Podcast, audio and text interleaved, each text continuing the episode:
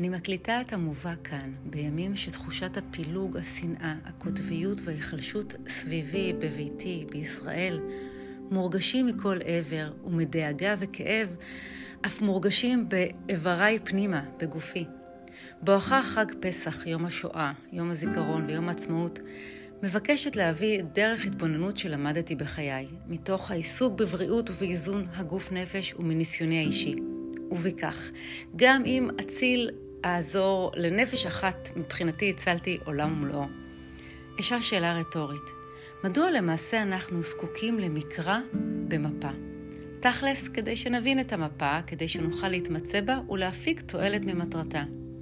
איך המקרא של המפה והגוף שלנו מתחברים לענייננו. בחקר ובחיבור הגוף והנפש למדתי שהגוף שלי פנימה הוא מקרא למפת החיים, בחוץ. למעשה, המקרא לחיי, סביבי, נמצא ממש איתי, בתוכי.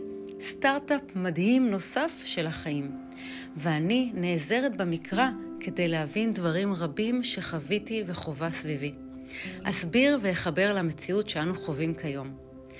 בגוף האחד, השלם, ישנם איברים כמו לבלב, כליות, קיבה, טחול, לב, עור, יד ועוד ועוד. כל איבר והכישרון, הייעוד שלו למען קיום החיים. בכל איבר בפני עצמו יש תאים דומים ושונים, לכל אחד הכישרון המוחצן שלו ותרומתו למנגנון החיים השלם. כל איבר מקבל את תפקידו, מחובר, מזין ומוזן, משפיע ומושפע מאיבר אחר, כך מתאפשרים החיים.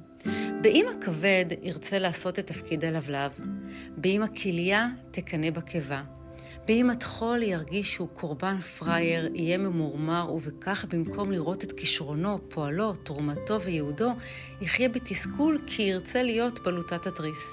ואם בלוטת התריס תתעלם מהטחול ותנהג אליו ביהירות וגאווה. הרי הגוף השלם יתפורר, יתפלג, ייחלש, יחלה, עד כדי עיבוד החיים. אם אחד מהאיברים יהיה עסוק בלראות את האחר, או להיראות כמו האחר, לרצות חיים כמו האחר, יפזר שנאה, כעס ושאר רעלים פיזיים ורגשיים אל האחר, האיבר האחר ייפגע, ובכך ייפגעו חייו שלו עצמו, ולא יהיו עוד, כי חייו תלויים, מושפעים, ניזונים גם מהאחר. החיים בגוף השלם כאחד מתקיימים בזכות איחודו של כל איבר, כישרונו, ועוד יותר בזכות החיבור המיוחד שלו לאיבר האחר. כל איבר, כל מערכת, כל תא מחובר בדרך כזו או אחרת לאחר, משפיע ומושפע. החיבור, הקבלה, הם הכוח של השלם, של החיים של כל איבר ומערכת בפני עצמה היו רוצים לעצמם. זו כמובן אנלוגיה או מקרא למפה האנושית סביבנו. מדינת ישראל היא מיקרו של קיבוץ גלויות עולמי, מרקם עדין, שלם, אחד ויחיד. הגוף שלנו פנימה הוא המיקרו של הרקמה האנושית במדינתנו. כיצד גם התזונה שלנו קשורה לכל זה? כיוון שאני מאמינה שהתזונה וההזנה שאנחנו בוחרים לגוף פנימה משפיעה גם על אלימות, הרס חיצוני, רעב רגשי, ומפה גם על הפרעות אכילה, השמנה או מחלה כזו או אחרת, אסביר את המקרא של גופנו וההשפעה על הרקמה האנושית במדינתנו, גם דרך התזונה שלנו. כיוון שכל אחד מאיתנו הינו מנהל, מנכ"ל של העסק הכי מתוחכם ביקום, והוא הגוף נפש של כל אחד מאיתנו. ניהול החיים בתוכנו. כשאנחנו מכניסים לגוף בעיקר אוכל שאינו תורם לפעילות החיים, אלא כזה הפוגע בדרך כזו או אחרת, כמו למשל סוכר ומאכלים מתועשים, ועוד מגדילים לעשות ומאמינים ואומרים לעצמנו שזה אוכל מפנק, מנחם, של כיף והנאה, אבל מנגד כועסים, מאשימים את עצמנו כשאנחנו אוכלים אוכל כזה.